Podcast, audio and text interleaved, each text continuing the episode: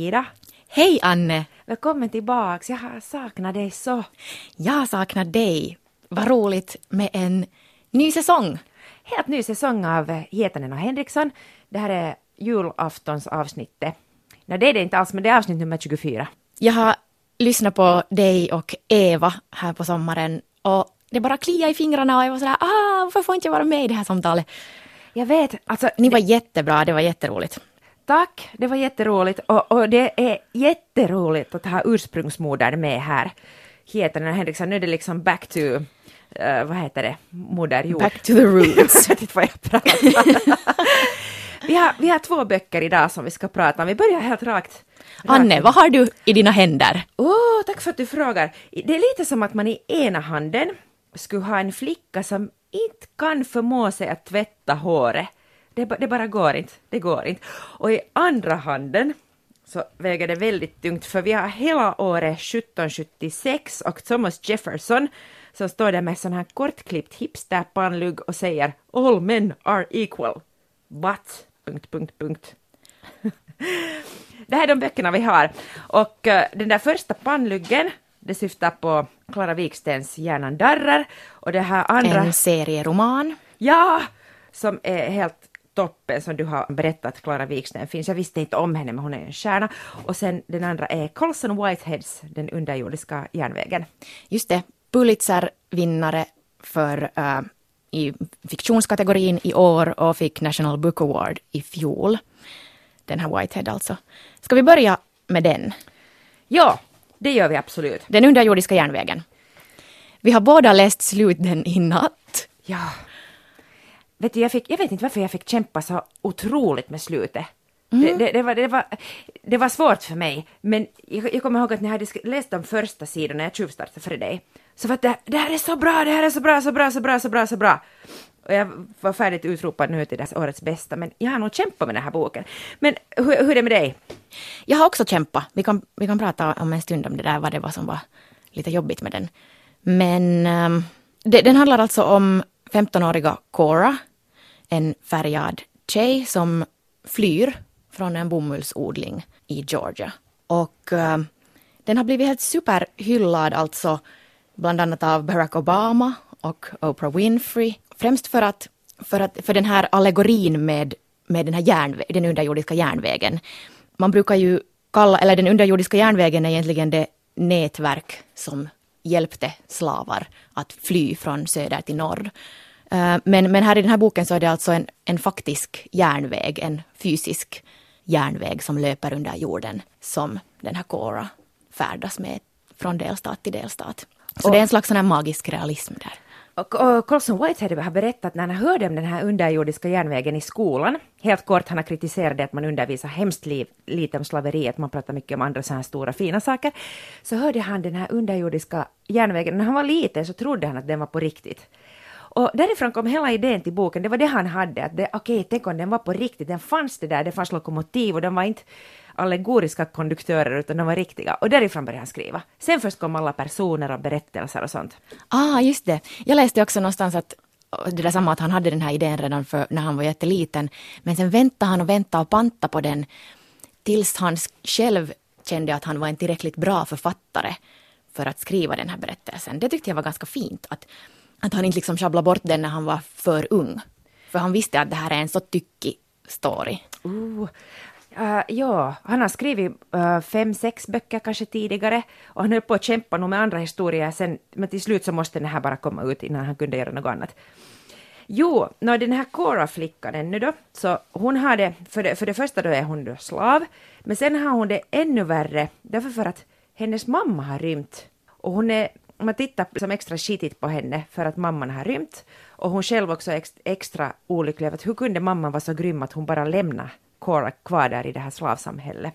Och den här mamman har blivit en slags legend för att hon är den enda som har lyckats fly från den här plantagen.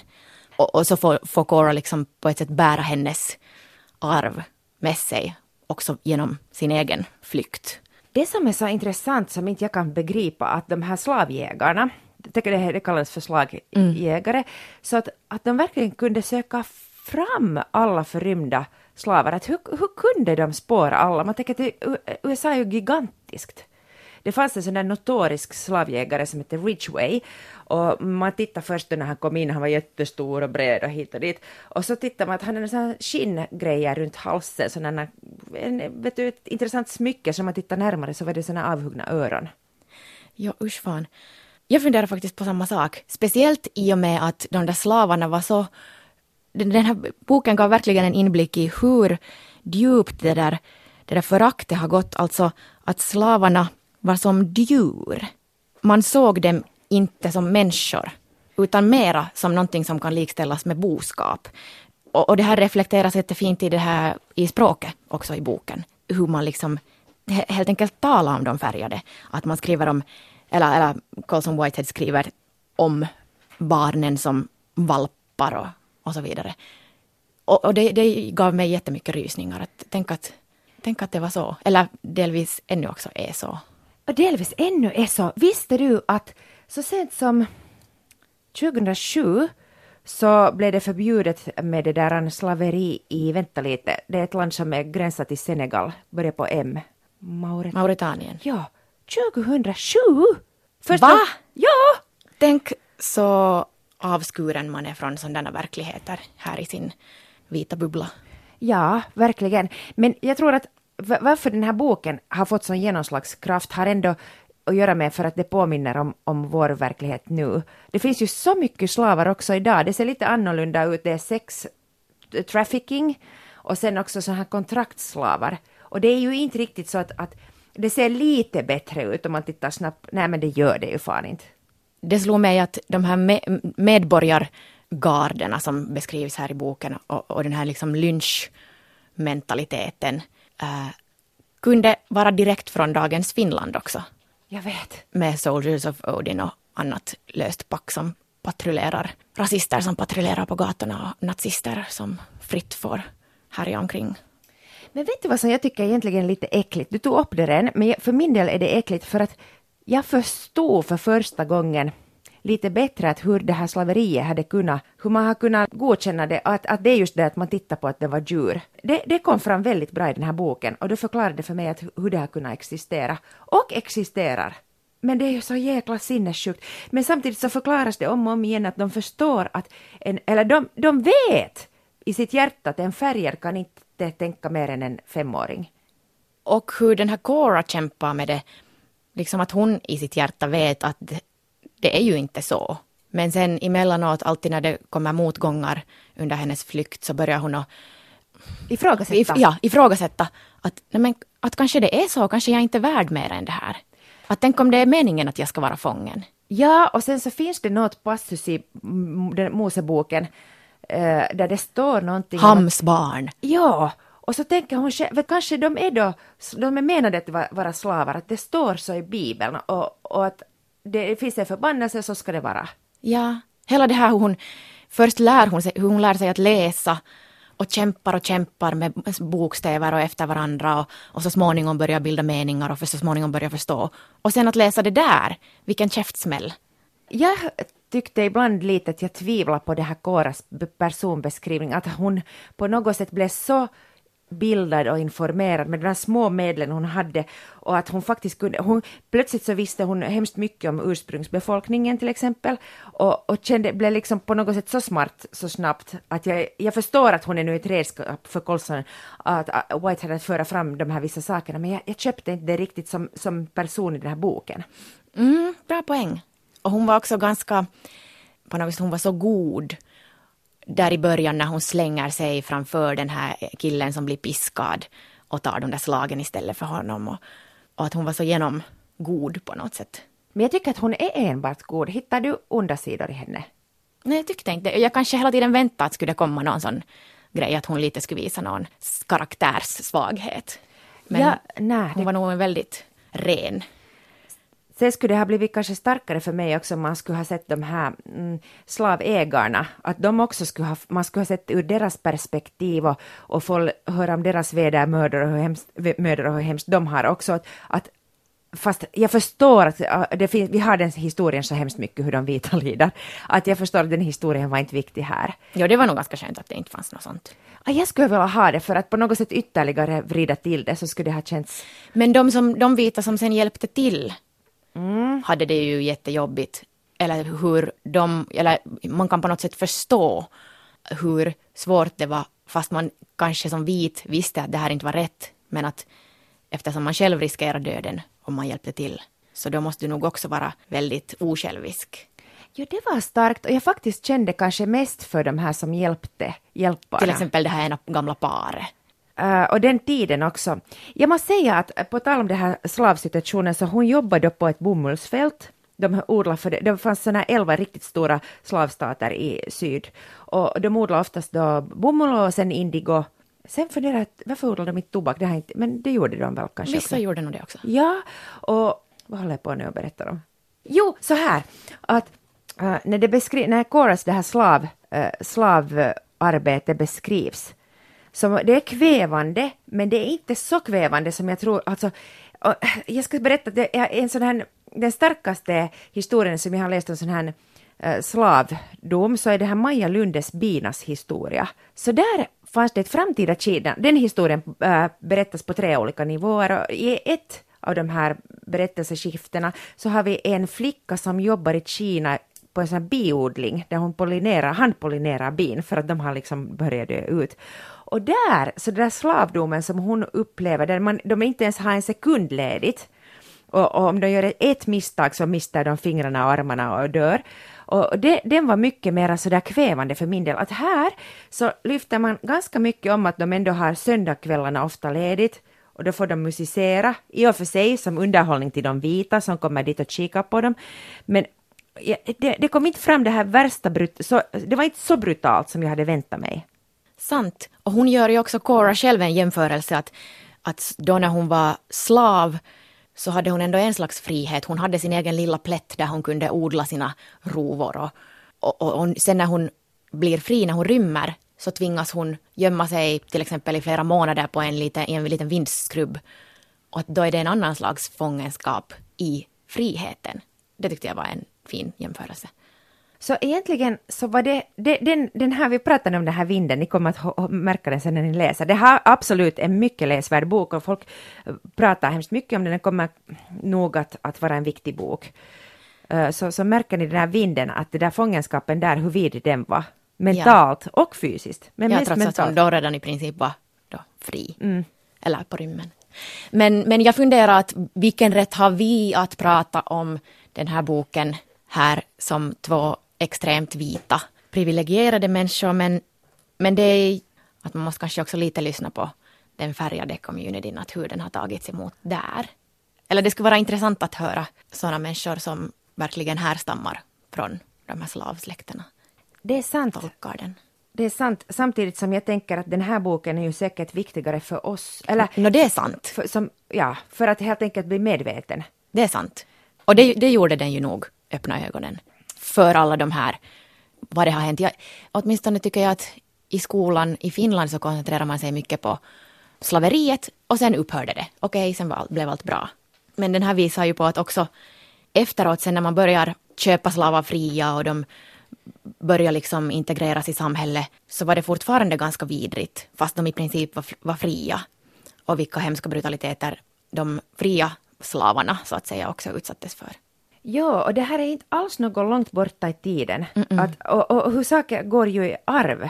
Alltså, så, så, så det här är någonting som är nog högst aktuellt idag. Vad tyckte du att var jobbigt? Vad var det som tog emot i din läsning? Colson Whitehead har själv sagt att när han byter ställe, Cora förflyttar ju sig, så är det lite som att den här texten rebootar sig själv.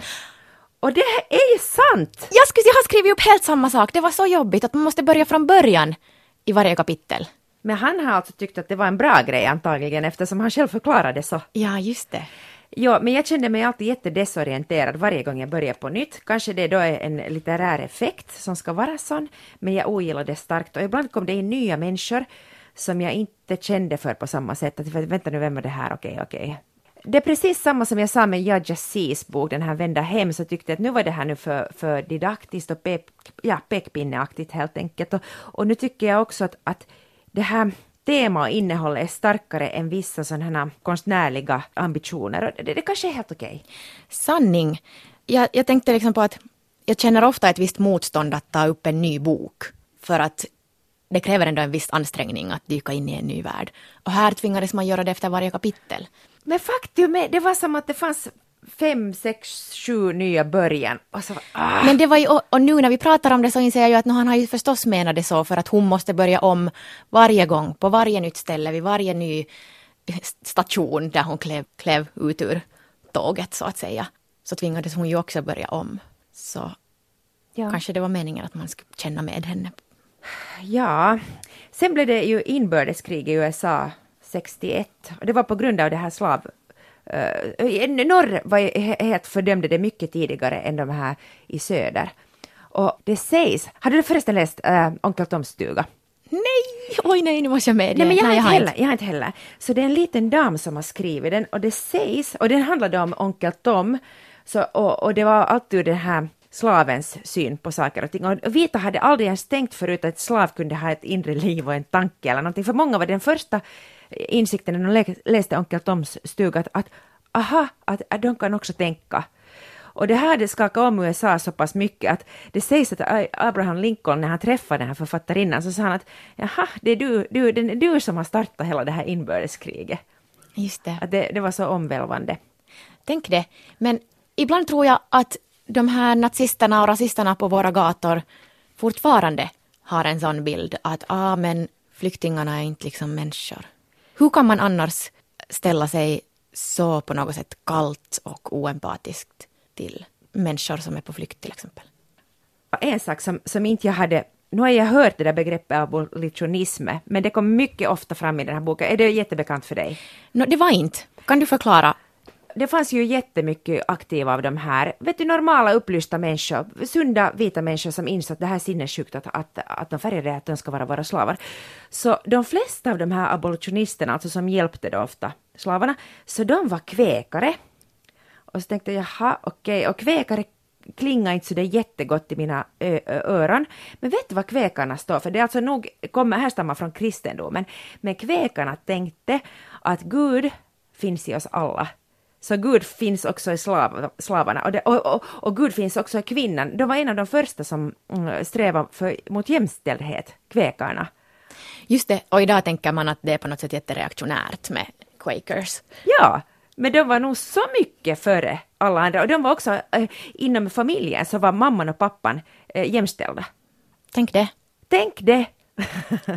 och de flesta av de som höll på, alltså på riktigt, på den här äh, fiktiva järnvägen eller allegoriska järnvägen, så de var kväkare. Just det. Quakers. Interesting. Men... ja, men som du sa, definitivt en, eller liksom ändå välskriven. Den är, den är en viktig bok och den är plågsam. Men, men den, den, den, är, ja, den är kämpig. På, på, på, på grund av teman förstås, men också på grund av den här ryckigheten när tåget stannar och, äh, och så måste man reboota. Men äh, på slutet fick den ett lyft för mig. Där, händer det, där kommer en sån här vändning som man inte alls kan gissa sig till. Och jag på något sätt fick lite sådär hopp och lite sådär positiva vibbar här på slutet ändå. Jag var för, förvånad över slutet. Jag tänkte att det här, det här kommer det här kommer att gå åt andra hållet än vad det gick. Men jag, jag är glad att det slutet var som det var. Det, det, det är jag nöjd med. Just det. Att det inte blev så där att man gned in pepparkorn i såren eller vet du sådär. Den här författaren, så han är född 69, bor i New York och han berättar att, att han hade skrivit länge, länge, länge, länge och att vet du när presidenten säger något så bra om ens bok och sådär, så har han sagt att han brukar vanligtvis ha ganska sådär grått i huvudet och vara melankolisk och deprimerad, men att nu har han bara gått runt och skrattat ett år. Han så jättenöjd. No, han har säkert också blivit ganska rik. Ja, han får gå runt och skratta bäst han vill, det är han värd. Yes, det var alltså Den underjordiska järnvägen av Colson Whitehead. Nu till någonting helt annat.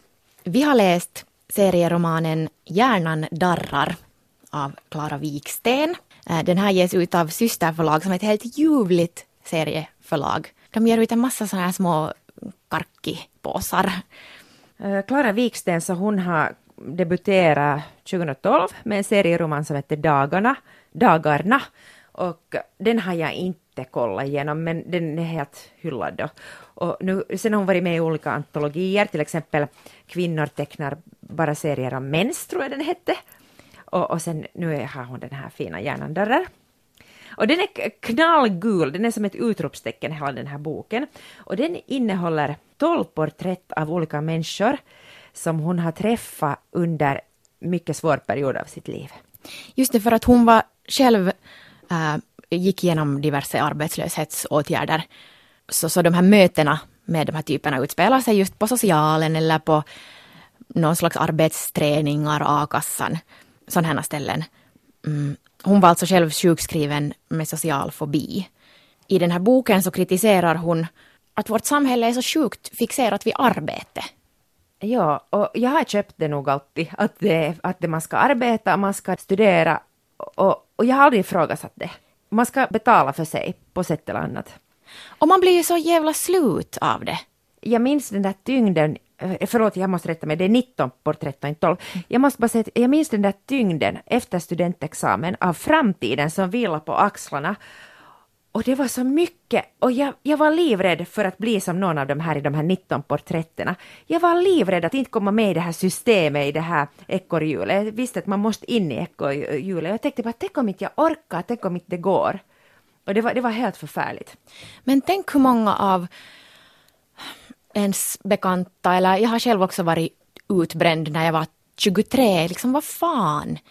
Att, att man tänker som 30-åring att jag ska vara färdig att pensionera mig.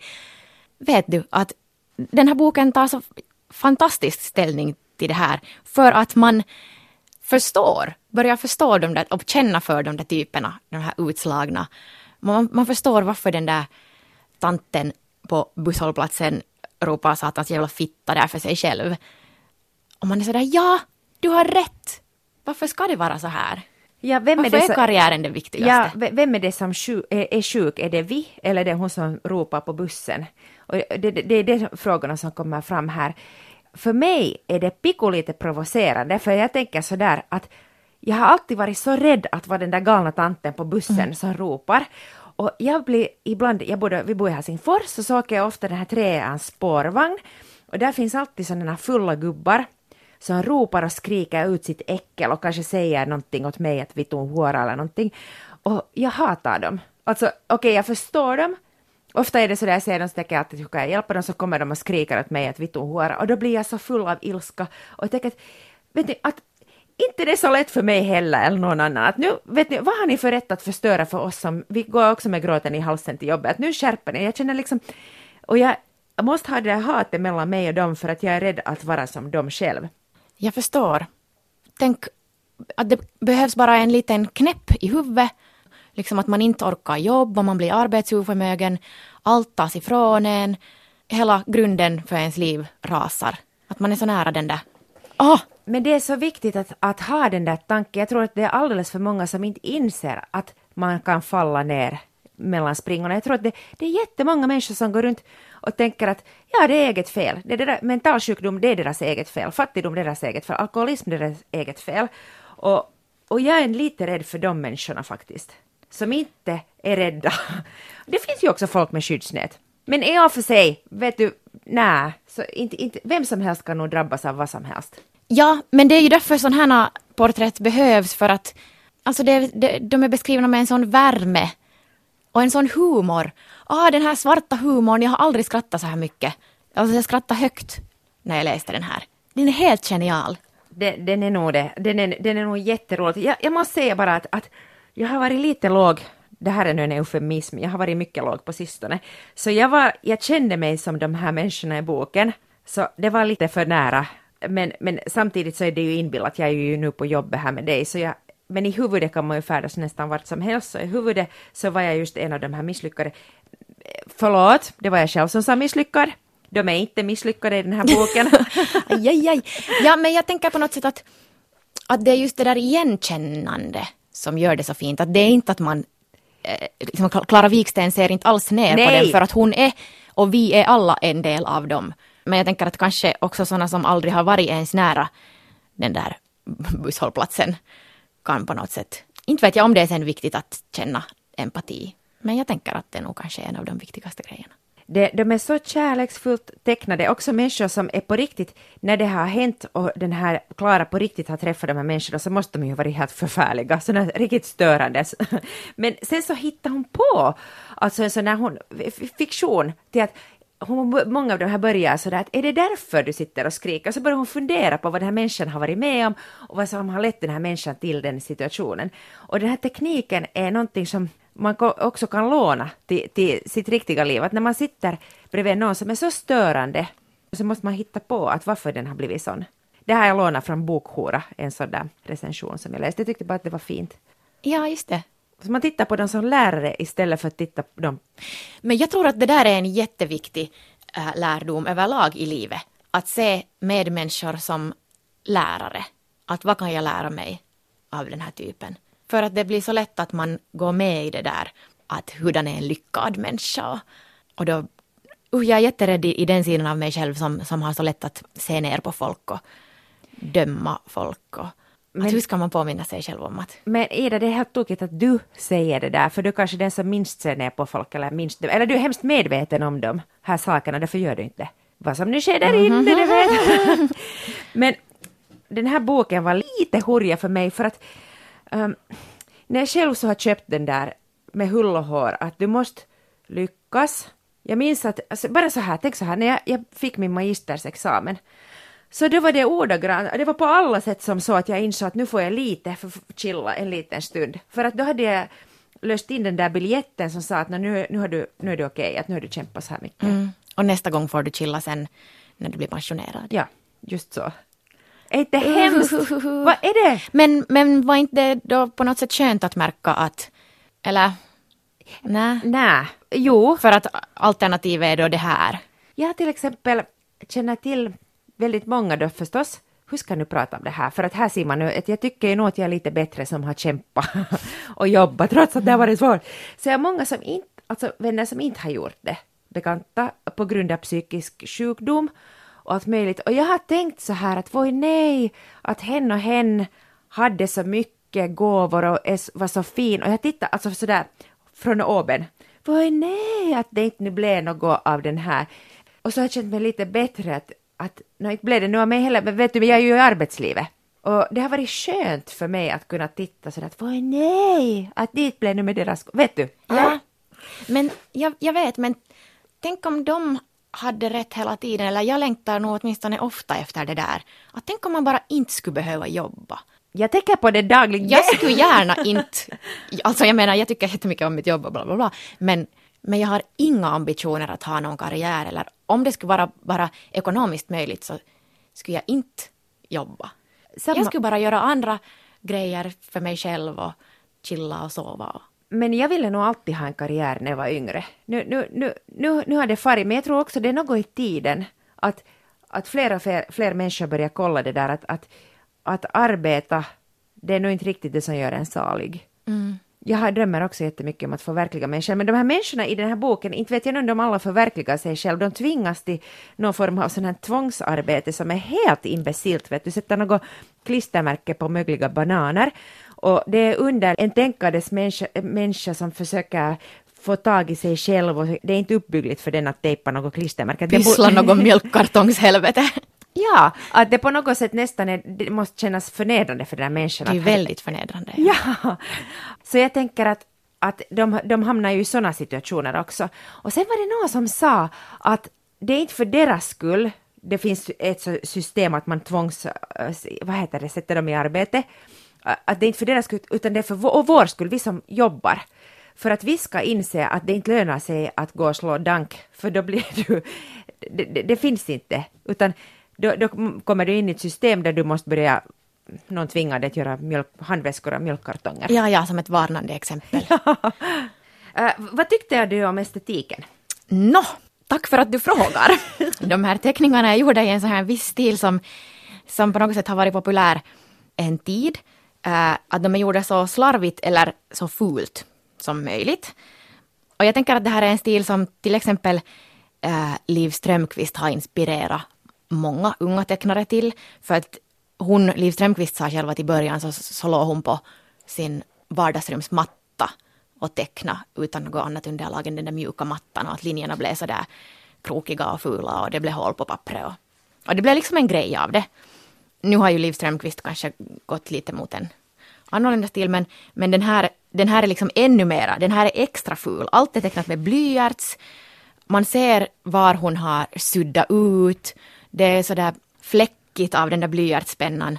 Det är lite som att säga att man spelar punk fast det egentligen handlar om att man inte är så bra på att spela. Vet du? Så bra sagt! Så, mm, ja, jag tycker ändå kanske mer om någonting, det behöver inte vara vackert, men jag skulle ändå vilja ha någon slags estetiskt tilltal. Eller någonting som skulle tilltala mig estetiskt på något sätt snyggt. Men sen å andra sidan, det här är säkert medvetet, den här tekniken med tanke på tema. Och min reaktion att usch vad det här är slarvigt och fult säger igen någonting om mig och prestationssamhälle och så vidare. I don't know. Alltså det är så jäkla fult tecknat. Vet du, det är som en, ska vi säga, är det på årskurs tre, om man nu går enligt tabellerna, tio, tioåringar som inte har talang tecknar väl ungefär så här. Men så, jag tycker igen att det är så fult att det är fint. Okej. Okay. Eh, blir du inte alls provocerad? Ja, jag blir provocerad. blir så jävla provocerad. Mm. Mm. Vad är det? Det är sån där endimensionellt, eller vad heter det? Det är liksom, ja, streckgubbar i princip. Men man ser ändå att nu kan hon säkert bättre. Nej men inte vi, ja. Vilken karaktär tar du med dig? Uh, jag tar med mig den här gubben som uh, jobbar på gravgården. Han, just skäggiga. Vi har samma. på riktigt? Ja. Han var så sympatisk. Här, här fanns nog fantastiska typer som inte kommer så mycket fram annars. Utan de, de, man, man tittar inte på dem. De står där i kass, arbetslöshetskassan och det där, ja. Fackarbete, Klara Viksten, du är vår hjälte.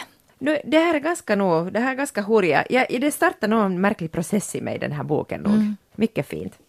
Vi ska börja avsluta. Tack för att ni är tillbaka med oss. Säsong två av Hietanen och Henriksson. Från och med nu så utkommer vi så här just på torsdagar. Ja, och, och det där, sprid gärna det glada ordet.